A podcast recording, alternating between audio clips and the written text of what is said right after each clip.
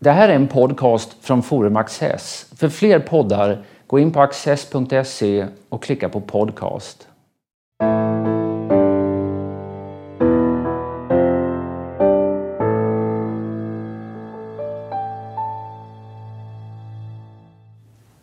Välkomna till Studio Access.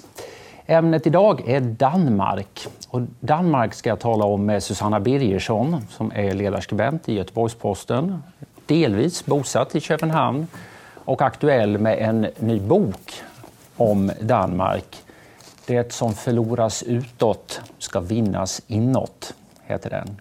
Och vi kommer tillbaka till vad det kan tänkas betyda. Ja. Jag ska nu inledningsvis våga mig på ett experiment här med lite lyrik, eller åtminstone en sångtext som lyder så här. I denna usla värld finns ett paradis där medborgarna hygger sig med pölse och med is. Och kronan har ett värde och solen lyser skönt. På andra sidan sundet växer gräset alltid grönt. Så är det lite mer vers och så kommer refrängen. Danmark, Danmark, det är ett dejligt land där Pedersen kör knallert och citerar H.C. And. Danmark, Danmark är flöde, ost och smör. Det måste vara där man hamnar när man dör. Är det nya nationalsången? Ja, jag vet inte. Det här är ett Lundaband som heter Torsson som var väldigt populära när jag studerade en gång i tiden. Och det var den Sverige, Danmarksbild som jag mycket växte upp med. Mm. Ett, liksom ett uppknäppt, fritt, glatt, eh, ja, njutningslystet eh, grannland. Rätt likt men väldigt olikt på samma gång. Mm. paradis på andra sidan sundet. Det har hänt väldigt mycket sedan dess med Danmarksbilden i Sverige. Vad, vad beror det på? När ändrades det här?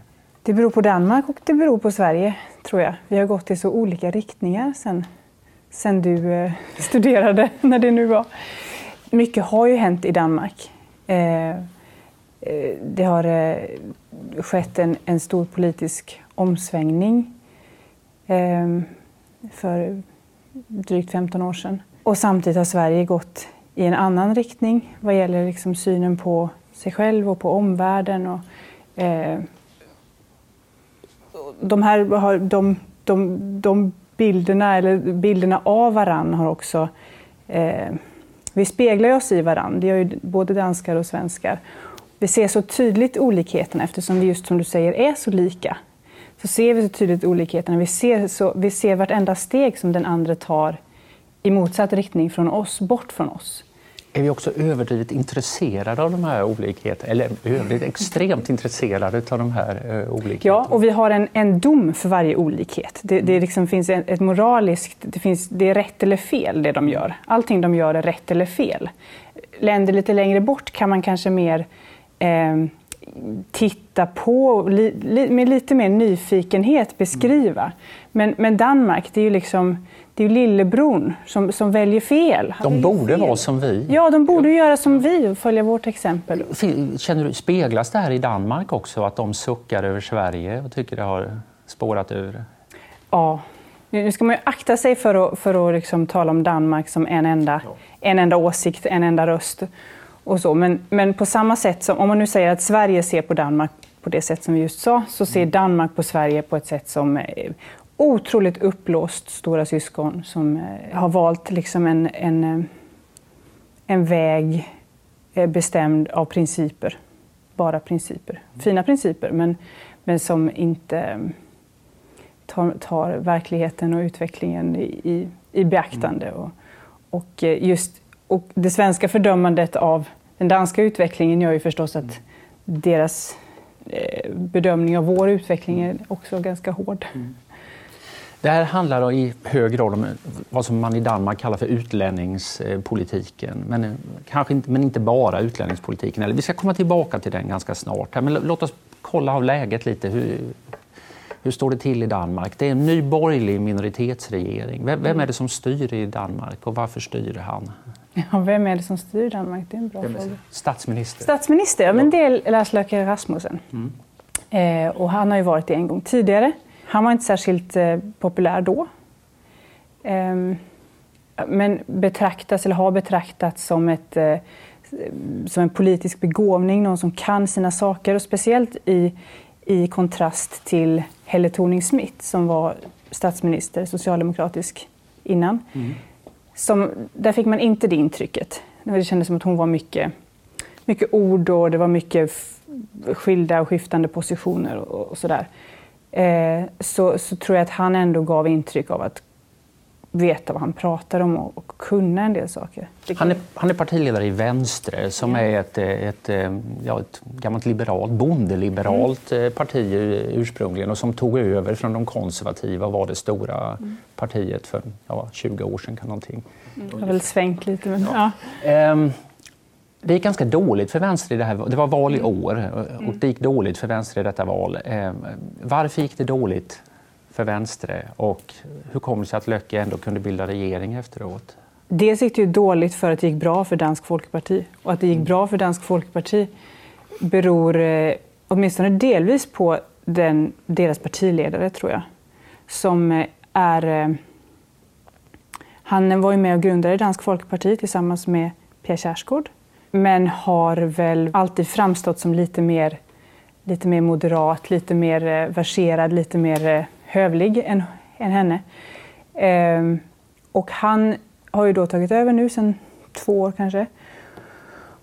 Och han framstår som en politikertyp som eh, säger som det är på ett trevligt sätt.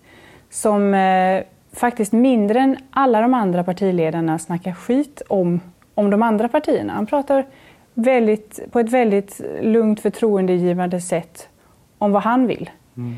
Eh, och det tror jag har attraherat eh, väldigt många väljare. Eh, och det kommer ju många från vänster just. Så, så det hänger ju ihop. Att det gick bra för honom och att det gick dåligt och är för, för dansk, Är nu Dansk Folkeparti liksom en, eh, har de fullt ut släppts in i stugvärmen? Alltså det, en S-ledare för ett tag sedan talade om att det här partiet kommer aldrig att bli rumsrent. Nu har de i alla fall, de har inte suttit i regering men de har varit väldigt nära regeringsmakten. Mm. Nej, det kan man ändå inte säga. Alltså, de mm. skapar ju fortfarande otroliga känslor och, och, precis efter valet så var det ju eh, stora rörelser på sociala medier som, där folk skämdes och uttryckte sin djupa, djupa avsky och skämdes för att de var danskar. Och, alltså på, lite på samma sätt som, som hände eh, i valet här. Du vet det här med 13 procent, 87 procent och mm. liksom den här att man uttrycker en skam över att tänka att detta händer i vårt land och, och sådär. Så det, det finns också. Det finns många, jag träffar många som säger att ja, jag känner ingen som, som röstar på Dansk Folkeparti. Mm. Det kanske inte är sant, men det är, liksom, det är ändå någonting eh, som skaver lite Mycket fortfarande. Mycket polariserande och, fortfarande. Ja, in, inte, i, inte som i Sverige, men, men det absolut skapar fortfarande liksom, starka känslor. Starka känslor. Ja, verkligen. Det, ehm, dansk och svensk ekonomi följdes åt mer eller mindre från 70 och fram till finanskrisen. utvecklades ungefär jämförbart. Efter finanskrisen har det gått mycket sämre i Danmark än i Sverige ekonomiskt. Hur mycket har det spelat in i, i politiken? Det som vi kanske pratar lite mer om nu och har gjort sedan, sedan några månader tillbaka om välfärdsstatens vara eller inte vara. Mm. De det kan hända att man i Danmark lite längre tid har känt av en lite större ångest över hur ska vi, hur ska vi fortsätta upprätthålla den här stora, och i Danmark jättestora... Ja, det är numera Danmark som ska finansiera världens största välfärdsstat. Mm. De är, mm. Skattetrycket är högre i Danmark än i Sverige nu för tiden. Det var det, var det inte heller på Torssons eh, Nej. tid. Ja. Nej, just det. Nu vet jag inte hur det blir efter eh, efter vår regerings skattehöjningar vem som riktigt leder ligan. Men... Ja, vi får se. Löfven jobbar på det. ja, ja, Precis. Nej, men, eh, precis, det har ju blivit någon slags... Alltså det allra mest liberala partiet, eller vad ska man säga, liberalistiska partiet i Danmark har ju förespråkat en ekonomisk politik som ska föra Danmark till ett svenskt skattetryck. Okay. Så Sverige är någon slags frihetsdröm. Det är numera ultraliberalismen ja, i Danmark. Exakt. Ja, all right. Men det är mycket mindre av, av eh, kontroll. De har till exempel ingen karensdag, bara mm. en sån sak. Det finns en annan, liksom, eh, på ett sätt en annan politisk uppslutning kring välfärdsstaten och som ett uttryck för solidariteten och hur vi tar hand om varandra. I din bok så är, du jämför Danmark och Sverige Och, eh, och gör det med hjälp av att teckna ett, ett snabbt men fylligt och intressant liksom, porträtt av Sverige, framför, eller framförallt Danmark egentligen, mm. under de sista 200 åren. Och att mm spårar så att säga, den danska nationalismen som har blivit så omdiskuterad, spårar den i ett arv som har pågått i ett par hundra år. Och då kommer det för oss bland annat till titeln på din bok, här, Det som förloras utåt ska vinnas inåt. Vad syftar det på? Det syftar på tiden efter 1864 som är liksom det stora, det stora, vad ska man säga, sår är väl att ta i, men det, det, är verkligen ett viktigt år i dansk historia. Det är ju då som eh, hertigdömena Schleswig och Holstein eh, förloras i eh, kriget med, med Tyskland. Och det ligger liksom där man, ja, om man tänker sig södra Jylland eller söder ja. om Jylland. Ja, så, ja. precis. Mm. Det var ju någonstans följden av en nationalism, en nationalistisk politik tiden före, decennierna före. När man, liksom ville, man ville knyta Schleswig tätare till Danmark, för där bodde det många dansktalande. Och så ville man liksom skilja bort Holstein lite, för där var det mer tyskar. Och de ville man egentligen liksom inte riktigt ha med inne i i eh, det här nationalstatsprojektet. Mm. Eh, och eh, det, det, irriterade förstås tyska nationalister och, och Preussen och en del andra. Och, och till slut så blev det krig. Och, och 1864, det, då, då, eh, det, det var krig även eh, två decennier innan, men det avslutades. Det, liksom, det hände ingenting då. Men 1864, då var det, då var det, liksom det, det totala nederlaget. Och man, eh, på något sätt manifesterades det som hade varit... Jag menar, Danmark har ju förlorat territorium under många hundra år innan dess också, till Sverige framför allt. Ja, drar man ut tråden när man förlorar Danmark, eller Skåne, Blekinge, ja. Halland eh, och fler, Bohuslän. ja. Eh, det är i och för sig 1600-tal då. Och sen, sen är det tidigt 1800-tal. Men de har liksom inte kommit över det på 1800-talet. och sen förlorar man då Norge 1814. Ja, ja precis. Och, för det är klart, den här stämningen, men, ja. näst, nästan precis samma, det som förloras utåt ska vinnas mm. inåt. Det, det sa ju, skrev ju Tegnér efter mm. förlusten av Finland, det här att vi mm. inom Sveriges gränser vinna Finland åter. Så att säga. Vi måste ta oss, nu har vi blivit mindre, nu måste vi ta oss samman. Mm. Men det var tidigare i den svenska historien. Ja, det här och fick ek... väl kanske inte fäste på samma sätt. Nej, det är möjligt. Ja. Eh. Men det här ekar in i vår samtid på ett helt på ett ja. annat sätt, den, ja. den danska erfarenheten. Jag tror Man det. känner sig Trängd och liten? Trängd och liten och, och en känsla av att det, vi kan ändå inte försvara oss. Eh, vi, och också kanske ett sätt att, att eh, eh, rättfärdiga eller försvara sig mot... Det begicks ju en hel del dumheter under, under den här tiden när de förlorade mm. så mycket land. Det hade kanske inte behövt bli så. Eh, så det, det, blev någon slags berättelse om att, om att eh, alla är ute efter oss och vi är värnlösa och försvarslösa. Men, men vi har någonting som, som, inte kan, som inte kan intas, som inte kan förstöras. Och det är danskheten. Mm. Det danska språket, det danska folket, den danska kulturen, den onden, liksom, mm. själen på något sätt. Och det är detta som vi ska, ska odla och dyrka och, och eh, göra starkt och, och som, som ska skilja ut oss från, från andra. Det är vår gräns. Och det där, som i din historiska linje, det accentueras då av erfarenheterna under andra världskriget. Mm. När man å ena sidan är liksom uselt rustad, man har inga som helst möjligheter att försvara sig när man blir invaderad av Nazityskland. Mm. Mm. Å andra sidan uppför man sig förhållandevis väl så att säga, under ockupationen och mm. behåller en viss integritet gentemot mm. eh, ockupationsmakten. Och, och lyckas eh, skeppa över sin judiska befolkning till, mm. till Sverige. Mm. Ja, det, är en, det är en helt otrolig illustration av, av eh, hela den eh, strategin som, som ryms i, det där, i den där devisen. Eh, det, det, är en sån balansgång. Det, det finns, eh, och det finns så många olika slags berättelser om vad det egentligen var som hände.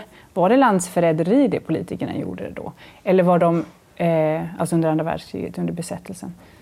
Eh, eller var, det, var, de, var de hjältar? Var de egentligen motståndsrörelsens förlängda arm in i, in i, i Folketinget? Liksom? Och, eh, det finns ju de som vill hävda att liksom, Danmark, stod, Danmark stod enat. Det var, liksom, eh, det var politiker, det var motståndsrörelser, det var folket. Alla stod de enade gentemot Tyskland. Och, och, sen så gjorde man det på lite olika sätt. Man, man organiserade sig på lite olika sätt. En del var politiker, en del var motståndsrörelser och sådär.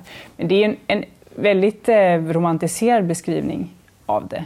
Mm. Eh, det, bland, bland politikerna så finns det ju oerhört mycket av eh, pragmatism och rädsla och eh, mm. önskan om att också eh, tjäna på det rent mm. ekonomiskt. Och, men det går, alltså en berättelse om vad som hände, ja. i alla fall en, en stark berättelse som jag förstått rätt om andra världskrigserfarenheten, den kuggar i det här historiska. Ja, alltså att vi är, vi är fina men sköra, eller hur man ska säga. Ja. ja men lite grann, vi är ett ömtåligt men trevligt dejligt land som, vi, som vi har och som vi måste vara väldigt försiktiga med. Är det så man kan... Ja, och det, men också att vi, vi är starka i, i det att det som är vi, det som är danskheten, det är ett, mm. det är ett effektivt försvar mot, mot eh, fascism och, mm. och mot... Eh, eh, jag tänker... Eh... Får jag bara... Mm.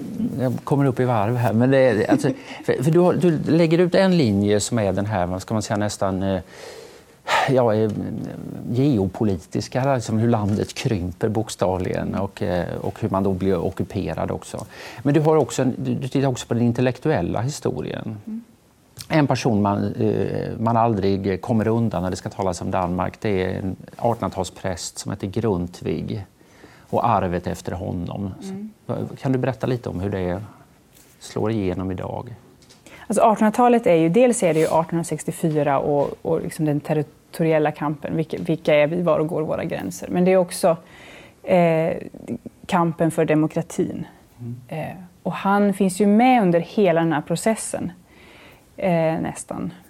Jag tror han dog på 1870-talet, mm. hoppas jag att det var nu. Eh, och eh, kommenterar och, och kritiserar och är politiker och är präst och en oerhört stark person som, som lever med i det här skeendet, eller i de här skeendena som är liksom dels det territoriella och dels eh, det politiska, demokratiska. Eh, och eh, sätter ord på, på mycket av det som händer. Eh, han har också en slags, eh, ett frihetsideal som jag tror är det som, som har följt med in i, i våra dagars politiska rörelser. Mm. Eh, där han, eh, han, han blir med tiden demokrat. Men det viktigaste ändå är inte demokratin och styrelseskicket utan det viktigaste är den enskilda individens eh, andliga, själsliga, mm. intellektuella frihet. Eh, och därmed är han väldigt statsskeptisk. Mm. Eh, skeptisk mot, eh, mot en stark kyrka. Och, eh, han han eh, anses ju vara, och är väl till viss del, en slags eh, folkbildningens fader. Mm. Eh, inspirerad av honom så har ju alla de här folkhögskolorna Ja, det är folkhögskolor och mycket självorganisering eh, mycket. överhuvudtaget i Danmark. Precis. Jag vet inte om han var direkt insyltad i alla de här jordbrukskooperativen som Nej. fanns i Danmark, men det är, liksom, det är samma anda på något sätt av Precis. småfolkets mm. egen småfolket, organisering. Småfolket ska utbildas, förstå sig själva, förstå, förstå eh, förstå eh, liksom, sin roll i landet och, mm. och i,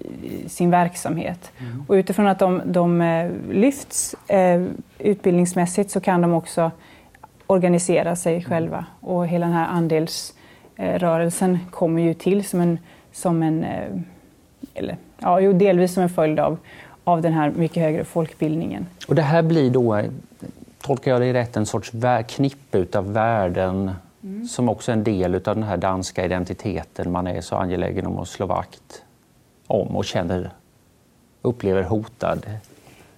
Ja, precis. Eh, han pratar ju väldigt mycket, eller skriver väldigt mycket om, om eh, det danska och det danska själs och andlivet. Och mm. För honom blir ju eh, danskheten ett det blir nästan, ja, men det blir nästan synonymt med frihet. Att vara dansk är att vara fri. Det är att vara fri eh, inuti mm. och det är att vara fri gentemot staten och givetvis gentemot yttre andra makter. Mm. så, så att under, under andra världskriget så, så, finns han med också, tror jag. Eh, och, eh, I alla fall tyskarna ansåg att han var ett stort problem. Han var, han, Grundtvig var ett av skälen till att det var så svårt att liksom nazifiera Tysk, eh, Danmark. Att de liksom inte ville, ville riktigt följa med på det här nazistiska tåget. De, hade inte, de, de var inte alls intresserade av den här ras, rasideologin som nazisterna höll så kär. Utan, utan de, eh, de hade ett mer liksom andligt spirituellt begrepp om vad folk, folket var. Men så, så, så, då blir danskheten återigen ett slags skydd. Mm. Ett skydd mot fascism. Men det blir en sorts paradox här då om jag förstår det rätt. Alltså, du, du har en nationalism som i vissa situationer, som då eh, kanske när man är satt under sånt hårt yttre mm. tryck, ändå blir ett sätt att behålla en anständighet. Och mm. en, eh, eh, men som då 50 år senare eh, växlas in i en ganska tuff eh, utlänningspolitik. Man lägger om kursen vid sekelskiftet ungefär 2000. Vad, vad, vad, är det som händer då? Så att säga? För om man säger att det, det, här ligger i den danska så att säga, historiska erfarenheten, hur kommer det sig att man var så relaxad i de här utlänningsfrågorna ända in på 90-talet? Jag tror mycket för att det var inte en så stor fråga. Precis som i Sverige så, så var det här inte... Eh, det var ingen stor politisk fråga. Eh, lite större i Danmark än i Sverige, ska sägas. Men det var ju inte...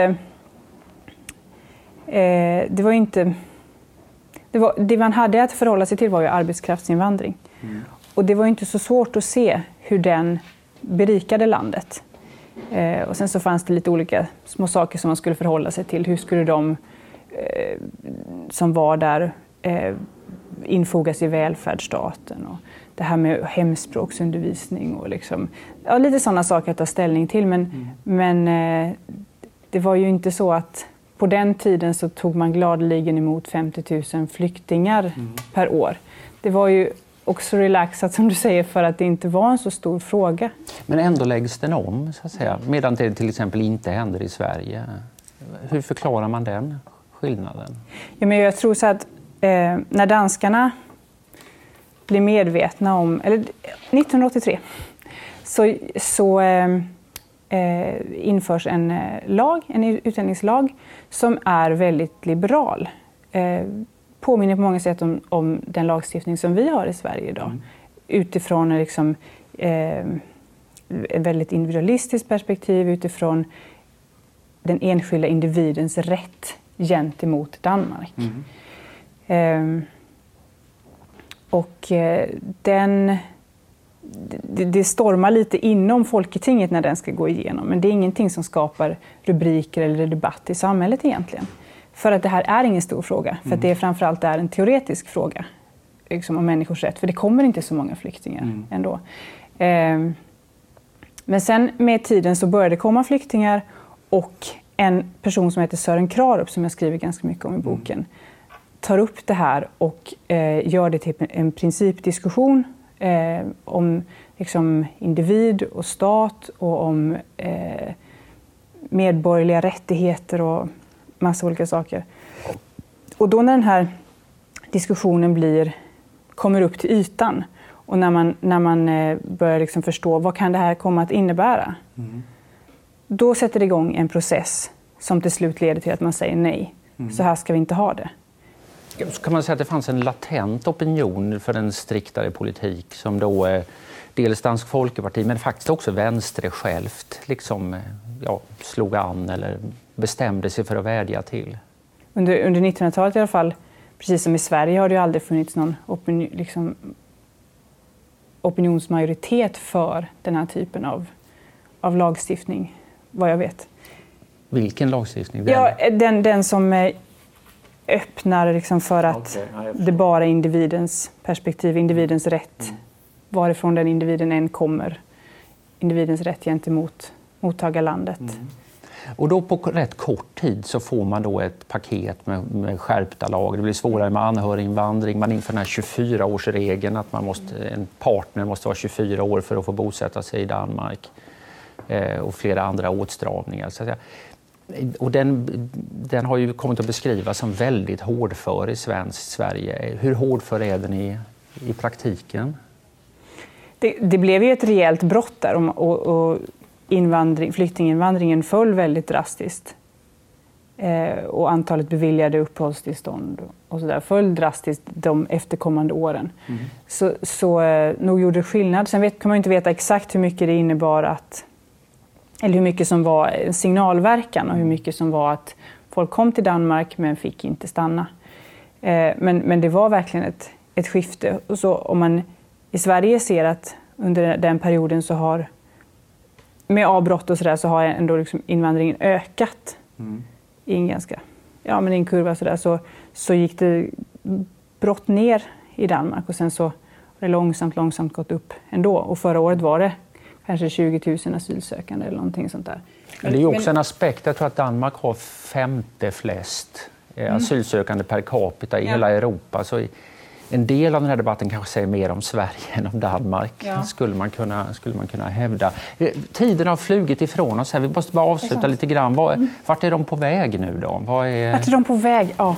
Var kommer politiken att skruvas åt? Det sker bokstavligen just, just nu, gör det, ja. åt, men på lite längre sikt? Just precis i dagarna så har man ju enats med Socialdemokraterna om att ytter, återigen skärpa kraven för medborgarskap. Mm. Ehm, och det Danmark är kanske inte landet som behöver göra det. Mm. Det, kan, det kanske vi skulle behöva göra i Sverige i någon mening, införa lite mer, göra gör det lite mer symboliskt laddat medborgarskap. Men just Danmark behöver inte göra det. Men, eh, ja, men jag tror att, att det, det som händer inom borgerligheten är det som, som bestämmer Danmarks riktning. Eh, Socialdemokraterna är inte riktigt en, liksom, eh, deras ska man säga, intellektuella diskussioner är inte riktigt att räkna, eller det, det, betyder inte så mycket nu, utan det är det som händer inom borgerligheten och framförallt det som händer inom vänster.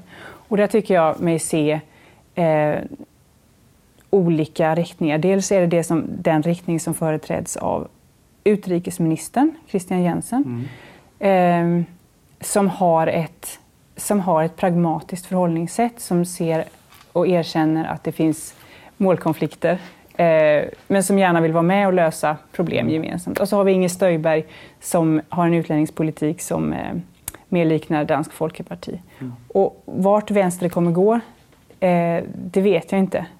men, men jag tror att det är det som händer inom vänster som, är, som, i stort, som, är, som kommer att avgöra mycket hur, hur Danmark kommer att utvecklas. All right. Vi får se. Stort tack Susanna Birgersson. Tack. Och tack för att ni har varit med oss.